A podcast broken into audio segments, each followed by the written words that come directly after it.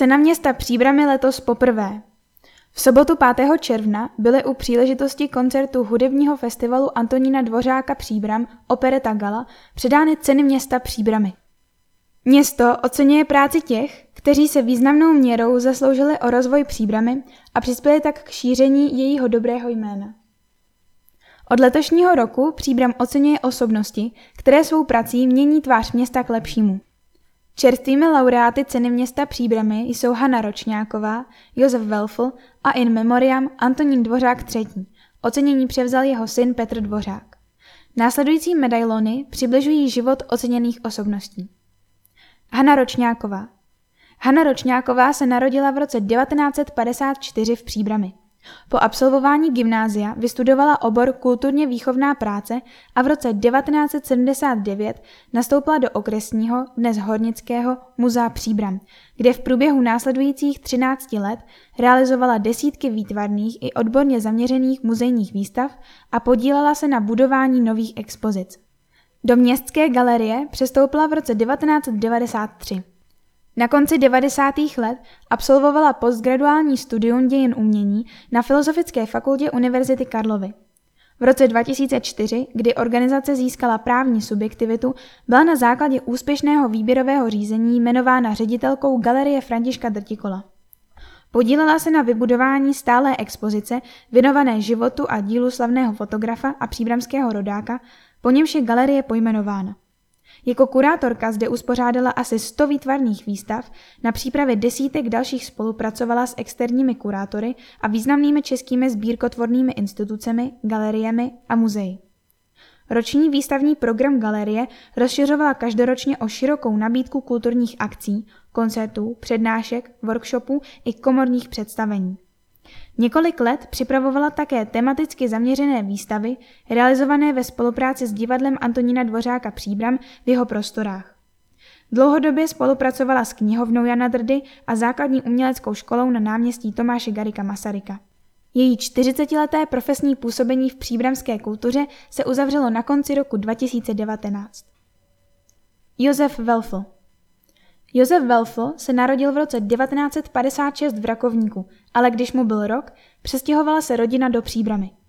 V Příbramském muzeu působí od ukončení vysokoškolských studií v roce 1979, kdy mu zde byla nabídnuta pozice historika. Od prvopočátku se specializuje na dějiny Příbramska 19. a 20. století, historii hornictví a hutnictví, montání památky, báňské muzejnictví, problematiku válečných událostí a odbojové hnutí v regionu. V roce 1994 se stal ředitelem muzea. Do roku 2020 byl též externím spolupracovníkem Muzea třetího odboje Příbram. Spolupracuje s Ministerstvem kultury České republiky v Radě pro výzkum, přednáší o dějinách hornictví a techniky na Vysoké škole evropských a regionálních studií a spolupracoval též s Ústavem pro soudobé dějiny Akademie věd České republiky v letech 1990 až 95. Mezi roky 1990 a 1992 zastával funkci zmocněnce vlády České a Slovenské federativní republiky pro analýzu událostí let 1967 až 70.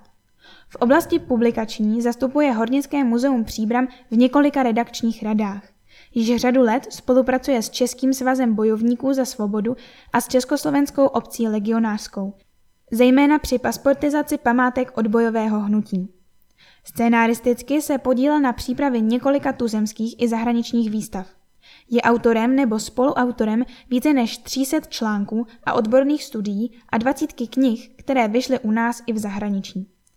Dále je tvůrcem vítězného projektu v celostátní soutěži muzeí Gloria Musealis 2003, zaměřeného na záchranu a následné využití technické památky dolu Vojtěch a vodní štoly Ana. Jako spoluautor se podílel na projektu záchrany a zpřístupnění vodního kola dolu Drkolnov a dalších báňských památek. Při příležitosti oslav 800 let od první písemné zmínky o příbrami obdržel od města stříbrnou pamětní medaili a zároveň je držitelem řady dalších vyznamenání v rámci České republiky i v zahraničí. Antonín Dvořák III. Antonín Dvořák III. se narodil v roce 1929 v Příbrami. V letech 1939 až 1947 vystudoval gymnázium. Poté jeden rok studoval na Vysoké škole chemicko-technologické v Praze. Od roku 1948 pracoval u zdejších uranových dolů. Při práci v podzemí dálkově studoval geologickou průmyslovku. Koncem 60. let 20. století nastoupil jako investor u okresní zprávy silnic. V 80. letech pracoval také jako kontrolor při okresním národním výboru.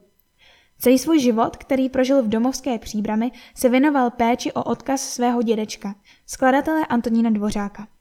Kulturnímu dění se pak v plnosti věnoval po sametové revoluci v roce 1989, kdy byl již v důchodu. Svědčí či menší mírou jeho práce a podpory jsou zpěty takové kulturní akce jako hudební festival Antonína Dvořáka Příbram, Dvořákova Praha, Mezinárodní pěvecká soutěž Karlovy Vary, Mezinárodní kompoziční soutěž Antonína Dvořáka. Naplno se rovněž staral o vilu Rusalku ve Vysoké u Příbramy, kde rád přivítal řadu hudby milovných hostů. Antonínu Dvořákovi III. bylo ocenění uděleno právě za obětavou mnohaletou péči o odkaz a prezentaci díla Antonína Dvořáka s důrazem na jeho spojení s příbramským krajem. Osobnost Antonína Dvořáka III. ovlivnila vztah mnoha lidí k hudbě celosvětově známého skladatele a přispěla k existenci mezinárodně uznávaných projektů. Antonín Dvořák III. odešel z tohoto světa 28. května 2017.